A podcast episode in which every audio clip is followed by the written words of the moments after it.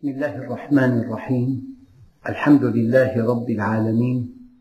والصلاة والسلام على سيدنا محمد الصادق الوعد الأمين. اللهم لا علم لنا إلا ما علمتنا. إنك أنت العليم الحكيم. اللهم علمنا ما ينفعنا وانفعنا بما علمتنا وزدنا علما. وأرنا الحق حقا وارزقنا اتباعه.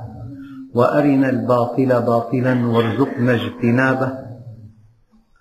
واجعلنا ممن يستمعون القول فيتبعون أحسنه وأدخلنا برحمتك في عبادك الصالحين. أيها الإخوة الكرام مع الدرس الأول من دروس سورة الأنعام ومع الآية الأولى وهي قوله تعالى بسم الله الرحمن الرحيم. الحمد لله الذي خلق السماوات والأرض وجعل الظلمات والنور ثم الذين كفروا بربهم يعدلون. أيها الإخوة في قوله تعالى الحمد لله. الحمد دائما مرتبط بالنعم فالنعم يحمد عليها. لكن القضية أنه لا خلاف في النعم ولكن لمن يكون الحمد على هذه النعم؟ الإنسان موجود نعمة الإيجاد من أوجده؟ الإنسان يرى نعمة العينين نعمة الأذنين نعمة التفكير نعمة الأجهزة. نعمة الهواء نعمة الماء نعمة الزوجة نعمة الأولاد. هذا الجمال في الأرض. هذه ألوان الأطعمة والأشربة. كلها نعم. لا يشك لثانية واحدة أنها نعم. بل إن العالم الغربي هو العالم الأول الذي استمتع بهذه النعم إلى درجات قصوى. بينما في هذه الآية يشار إلى المنعم. هذه النعم لمن تعزى من أوجدك؟ هل أتى على الإنسان حين من الدهر لم يكن شيئا مذكورا؟ من منحك نعمة الوجود؟ أنت الآن موجود. ولماذا أوجدك؟ إلا من رحم ربك. ولذلك خلقهم. خلقهم ليرحمهم. فأنت موجود برحمة الله وقد خلقت ليرحمك الله. لو نظرت حواليك لوجدت نعما لا تعد ولا تحصى. بل إن الله سبحانه وتعالى يقول وإن تعدوا نعمة نعمة واحدة. هل الشيء المفرد يعد كأن الله أراد من خلال قوله تعالى وإن تعدوا نعمة أن يشير إلى أن النعمة الواحدة لو أمضيتم كل أوقاتكم في تعداد بركاتها وفضائلها لا تستطيعون. فإذا كنتم عاجزين عن تعداد بركات نعمة واحدة فأنتم عن شكرها أعجز. وإن تعدوا نعمة الله لا تحصوها وفرق كبير كبير بين أن تعد فضائل نعمة واحدة وبين أن تشكر عليها. كما أنه فرق كبير بين أن تحصي عدد الهدايا التي تلقيتها في مناسبة سارة وبين أن ترد هذه الهدايا. فرق كبير جدا الإحصاء سهل. نحن عاجزون عن إحصائها فلأن نكون عاجزين عن شكرها من باب أولى. أيها الإخوة الكرام في خلق الإنسان أي خلل يجعل حياة الإنسان جحيما لا يطاق؟ فمثلا هذه العين في بالشبكية بالمليمتر مربع من الشبكية مئة مليون مستقبل ضوئي. بينما في أرقى آلة تصوير رقمية احترافية في عشرة آلاف. ما معنى مئة مليون مستقبل ضوئي في الميلي متر مربع من الشبكية؟ من أجل أن تميز بين ثمانية ملايين لون. لو أن اللون درج إلى ثمانمائة ألف درجة من أجل أن تميز بين درجتين. ولماذا كانت القرنية شفافة؟ شفافية تامة. لأنها تتغذى عن طريق الحلول لا عن طريق الأوعية الشعرية. ولو غذيت عن طريق الأوعية الشعرية لرأيت من خلال شبكة الأوعية. لقد خلقنا الإنسان في أحسن تقويم. لو أمضيت سنوات وسنوات تتحدث عن نعمة العينين. قال تعالى ألم نجعل له عينين؟ لو أمضيت سنوات وسنوات تبحث في نعمة السمع تستمع إلى أدق الأصوات وكأنك بخلق بديع لا تستمع إلا الذي تهتم له. فلو جلست مع صديق لك حميم ودار بينكما حوار طيب ووضعت مسجلة على النافذة كل الأصوات التي سجلتها المسجلة لا تسمعها أنت أبدا. إنك منشغل في موضوع آخر. فما كل صوت يصل إلى أذنك وكأن هناك تصفية خاصة. فنعمة العينين ونعمة الأذنين ونعمة الدماغ. الإنسان يتذكر تقريبا سبعين مليار ذكرى. إنسان عاش عمر متوسط في بذاكرته سبعين مليار صورة. وكل إنسان له نبرة صوت خاصة وكل إنسان له رائحة جلد خاصة وله قزحية عين خاصة وله بصمة إبهام خاصة وله خصائص كثيرة جدا جعلت هذا الإنسان فردا وقد ورد في بعض الأحاديث أن الله سبحانه وتعالى خلق آدم على صورته أعطاه الفردية وهي من أسماء الله. هو فرد واحد أحد فرد صمد هذه نعمة الحواس الخمس نعمة اللمس نعمة السمع نعمة البصر نعمة الإدراك. هناك آلية معقدة جدا في جسمك تعمل دون أن تشعر.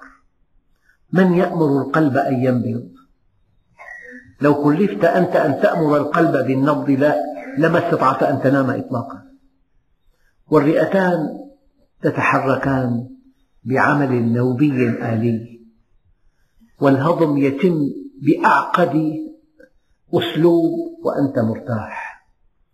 آلية معقدة جدا من نبض قلب إلى وجيب رئتين إلى عمل جهاز الهضم. ولو تتبعت الأجهزة في الجسم والأعصاب والدماغ والقلب والرئتين لوجدت خلقا كاملا. وكل هذا كان من قطرة ماء. لا قطرة يعني شيء لا يرى إلا بالمجهر. والبويضة كحبة الملح. البويضة كحبة الملح مع حوين لا يرى إلا بالمجهر. تم خلق الإنسان في تسعة أشهر. لذلك هذه النعم نعم خلق الإنسان. نعم الفواكه التي حوله. نعمة كأس الحليب. هذه البقرة معمل معمل صامت. يحول هذا الكلأ إلى شراب سائغ للإنسان. من صمم تركيب الحليب وفق حاجة الإنسان؟ هو الغذاء الكامل. الغدة الثدية في البقرة على شكل قبة يجري في سطحها الأعلى. الدم بشبكة عروق دقيقة جدا. وهذه الغدة تأخذ من الدم الذي يجري فوقها حاجتها من مكونات الحليب. وترشح قطرة حليب في سطحها الداخلي. وكل أربعمائة حجم دم تساوي حجم حليب واحد. فالحليب الذي نشربه ومشتقات الحليب التي نأكلها من أبرز نعم الله عز وجل. فالإنسان أيها الإخوة يمكن أن يأكل كما تأكل الأنعام.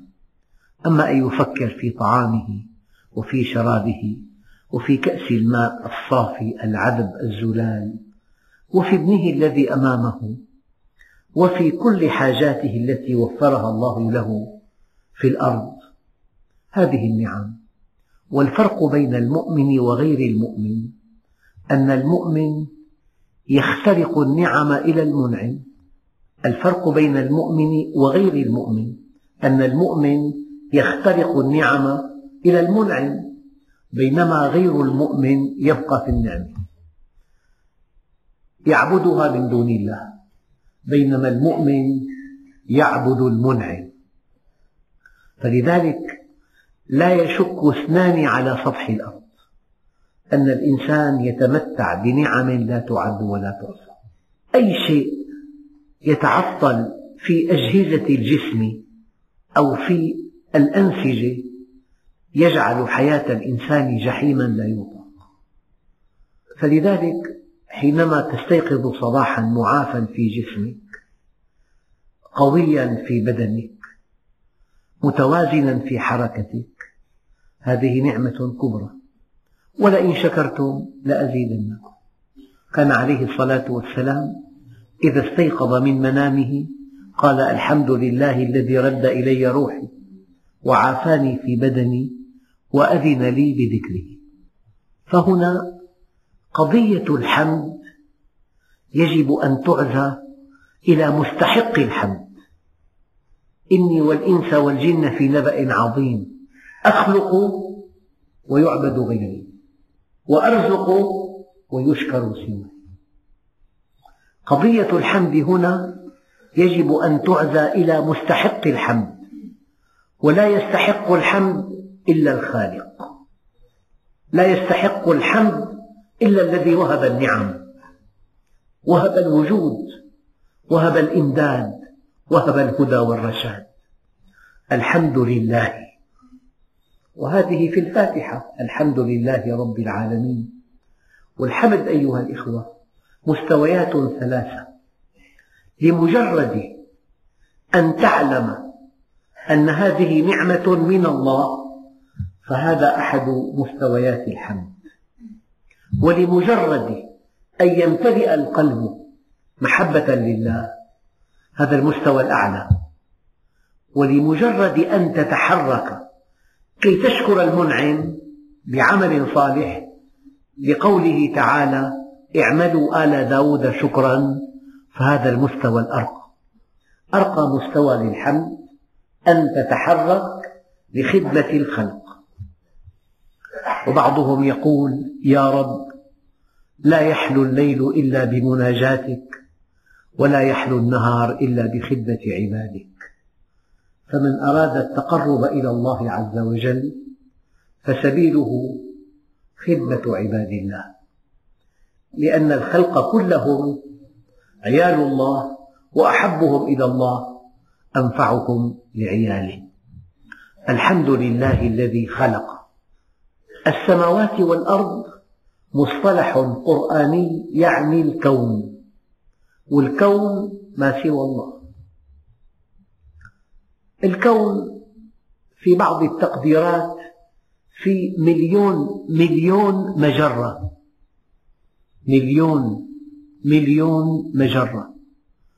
وفي كل مجرة في بعض التقديرات مليون مليون كوكب ونجم. ومجرتنا درب التبابنة مجرة متواضعة جدا متوسطة على شكل مغزل.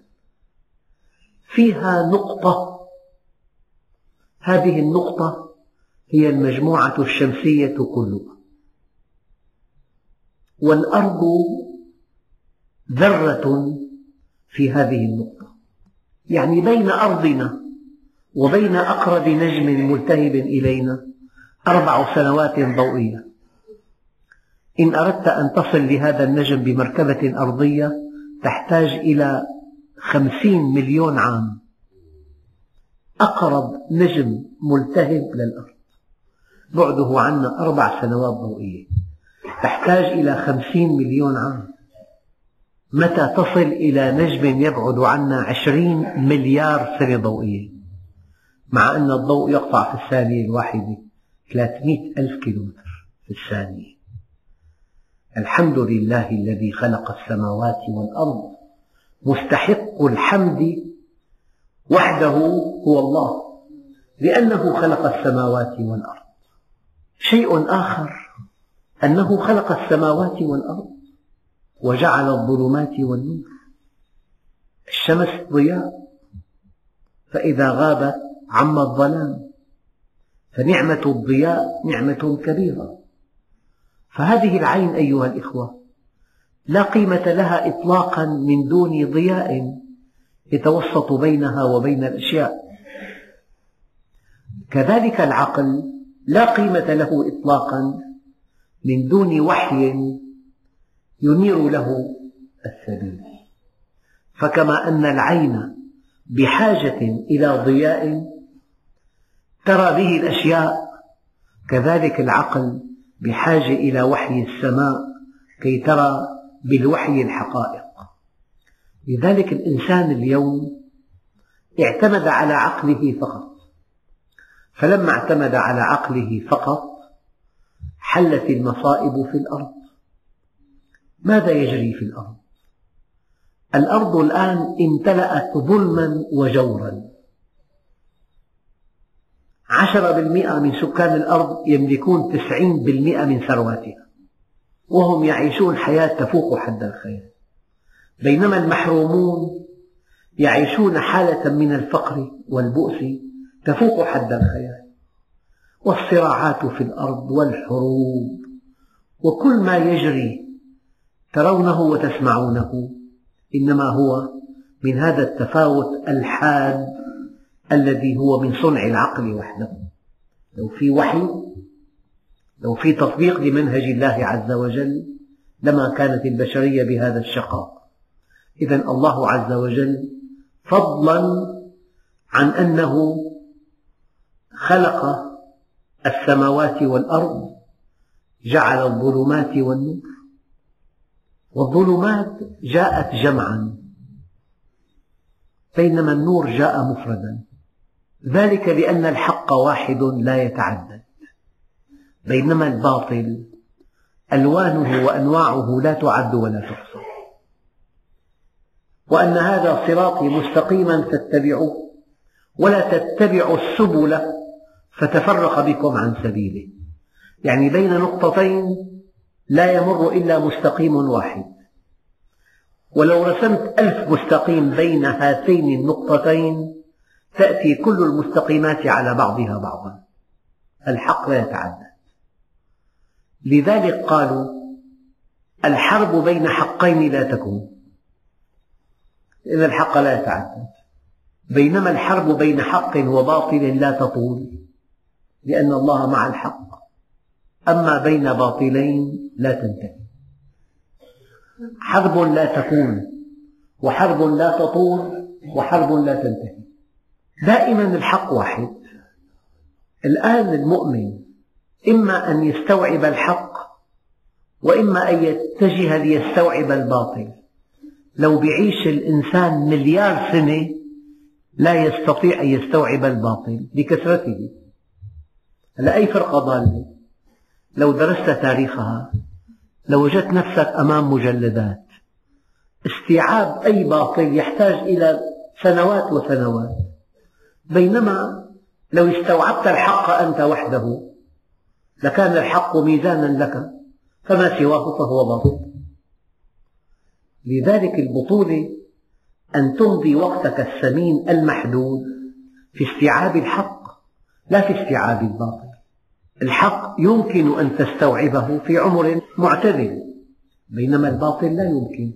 الباطل متعدد بينما الحق واحد. لذلك لا يكفي أن يخلق الله السماوات والأرض. لا بد من أن ينورهما بالنجوم والشموس. فالشمس التي نتعامل معها من آيات الله الدالة على عظمته. شمسنا تكبر الأرض بمليون وثلاثمئة ألف مرة. أي أن جوف الشمس يتسع لمليون وثلاثمئة ألف أرض. وبين الأرض والشمس 156 مليون كيلومتر. وأن ألسنة اللهب التي تنبعث من الشمس ألسنة اللهب التي تنبعث من الشمس يزيد طولها عن مليون كيلومتر. وأن الأرض إذا ألقيت في جوف الشمس تبخرت في ثانية واحدة. فإذا كانت الشمس تكبر الأرض بمليون وثلاثمئة ألف مرة وإذا كان بين الشمس والأرض 156 مليون كيلومتر فما قولك أن في برج العقرب نجم صغير أحمر اللون متألق يتسع للشمس والأرض مع المسافة بينهما؟ يتسع للشمس والأرض مع المسافة بينهما. من الذي هو مستحق الحمد وحده؟ خالق السماوات والأرض. فضلا عن أنه خلق السماوات والأرض نورهما بالشموس. وفضلا عن أنه نور السماوات والأرض بالشموس نور العقول بالوحي بوحي السماء. فهناك كون وهناك شموس تعطيه الضوء المادي وهناك وحي يعطي العقول النور العلمي. الحمد لله الذي خلق السماوات والأرض وجعل الظلمات والنور. ثم الذين كفروا. هؤلاء الطرف الآخر. الإنسان يؤمن أو يكفر يستقيم أو ينحرف. يصدق أو يكذب يخلص أو يخون يرحم أو يقسو يعدل أو يظلم. الطرف الآخر هم الذين رفضوا الحق. لم يؤمنوا بالآخرة آمنوا بالدنيا. لم يؤمنوا بالله آمنوا بالطاغوت. هؤلاء الذين كفروا مع كل هذه الآيات الدالة على عظمته. مع كل هذه الشواهد التي تشهد لله وحدانيته وكماله ثم الذين كفروا بربهم يعدلون. أما كلمة ثم يعني بعد كل هذه الآيات بعد كل هذه الأدلة بعد كل هذه النعم والنعم التي حولنا نراها رأي العين. أغمض عينيك. ما قيمة الألوان؟ ما قيمة الأشجار؟ ما قيمة الزهور؟ كل شيء جميل تراه بعينيك. ألم نجعل له عينين؟ ما قيمة هذه الطعوم لولا حاسة الذوق؟ ما قيمة هذه الروائح لولا حاسة الشم؟ ما قيمة هذه الأصوات الندية لولا حاسة السمع؟ مع كل هذه النعم ومع كل هذه الآيات الباهرات تتجه لمخلوق تعبده من دون الله. أخلق ويعبد غيري وأرزق ويشكر سواي خيري إلى العباد نازل وشرهم إلي صاعد. أتحبب إليهم بنعمي وأنا الغني عنهم ويتبغضون إلي بالمعاصي وهم أفقر شيء إلي. من أقبل علي منهم تلقيته من بعيد ومن أعرض عني منهم ناديته من قريب. أهل ذكري أهل مودتي أهل شكري أهل زيادتي أهل معصيتي لا أقنطهم من رحمتي. إن تابوا فأنا حبيبهم وإن لم يتوبوا فأنا طبيبهم. أبتليهم بالمصائب لأطهرهم من الذنوب والمعايب. الحسنة عندي بعشرة أمثالها وأزيد والسيئة بمثلها وأعفو وأنا أرأف بعبدي من الأم بولدها. ثم الذين كفروا بربهم لم يقل الله عز وجل ثم الذين كفروا بالله بربهم الذي رباهم. من الذي ربى الجنين في بطن أمه؟ من شق له سمعه وبصره من أمده بالحياة. المشيمة التي ترافق الجنين فيها آيات لا تصدق. في المشيمة هي قرص من اللحم تجتمع فيه دورتا دم الأم والجنين. ولكل دم زمرة ولو أن دم الأم ودم الجنين اختلطا لماتت الأم والجنين معا. بحالة اسمها انحلال الدم. ففي المشيمة يجتمع دم الأم ودم الجنين ولا يختلطان لأن بين الدمين غشاء سماه الأطباء غشاء عاقلا. لأن هذا الغشاء العاقل يقوم بمهمات يعجز عن القيام بها أطباء الأرض مجتمعين. ماذا يفعل هذا الغشاء؟ يأخذ الأكسجين من دم الأم ويطرحه في دم الجنين. كي يحرق السكر في الجنين كي ينشأ من هذا الحرق طاقة. فهو جهاز تنفس. ويأخذ من دم الأم الأنسولين. ويطرح في دم الجنين. ليحرق السكر في درجة 37 فهو بنكرياس. ثم يأخذ مناعة الأم التي حصلتها في عمرها ويطرح هذه المناعة في دم الجنين كي لا يمرض فهو جهاز مناعة مكتسب. ثم هو يمنع وصول المواد السامة إلى دم الجنين فهو حصن حصين لحياة الجنين. ثم إنه يأخذ من دم الأم الحاجة الساعية لا أقول اليومية من المواد الغذائية. وكيف يقدر هذا الغشاء؟ ما يحتاجه الجنين من المواد الغذائية من سكر ودسم وشحوم وبروتينات وفيتامينات ومعادن. وكيف ينفذ هذه المهمة؟ كيف يعرفها أولا؟ كيف يقدر حاجة الجنين من هذه المواد الغذائية؟ ثم كيف ينفذ هذا؟ فيأخذ من الدم الأم هذه المواد الغذائية يطرحها في دم الجنين. إذا هو جهاز هضم. ثم كيف يعيد من دم الجنين إلى دم الأم؟ ثاني أكسيد الكربون الذي هو محصلة احتراق السكر. ويعيده إلى دم الأم كي تطرحه عبر جهازها التنفسي. زفيرا.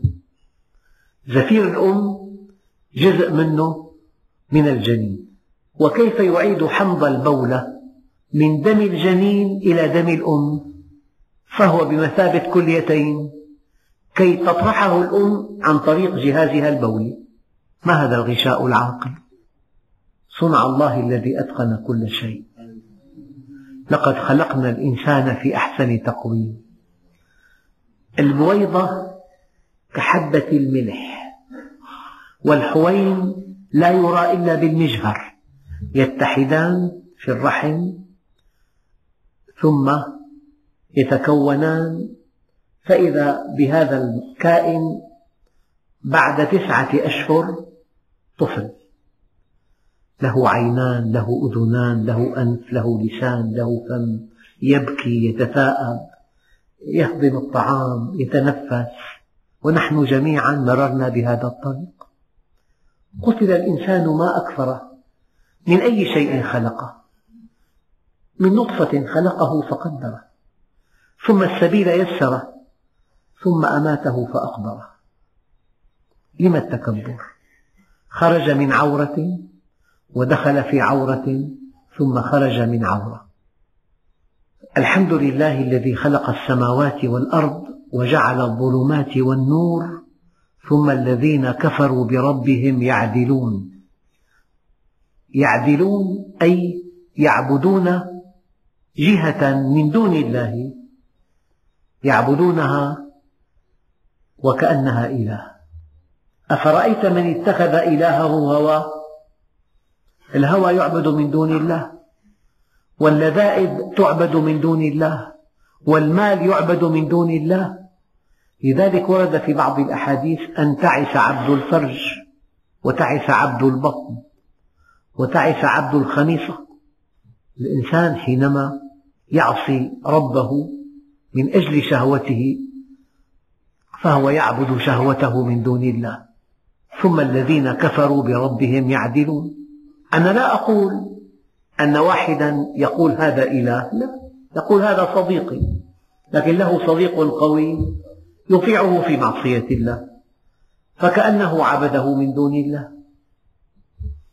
ثم الذين كفروا بربهم يعدلون أو يعدلون عن الله إلى شركاء.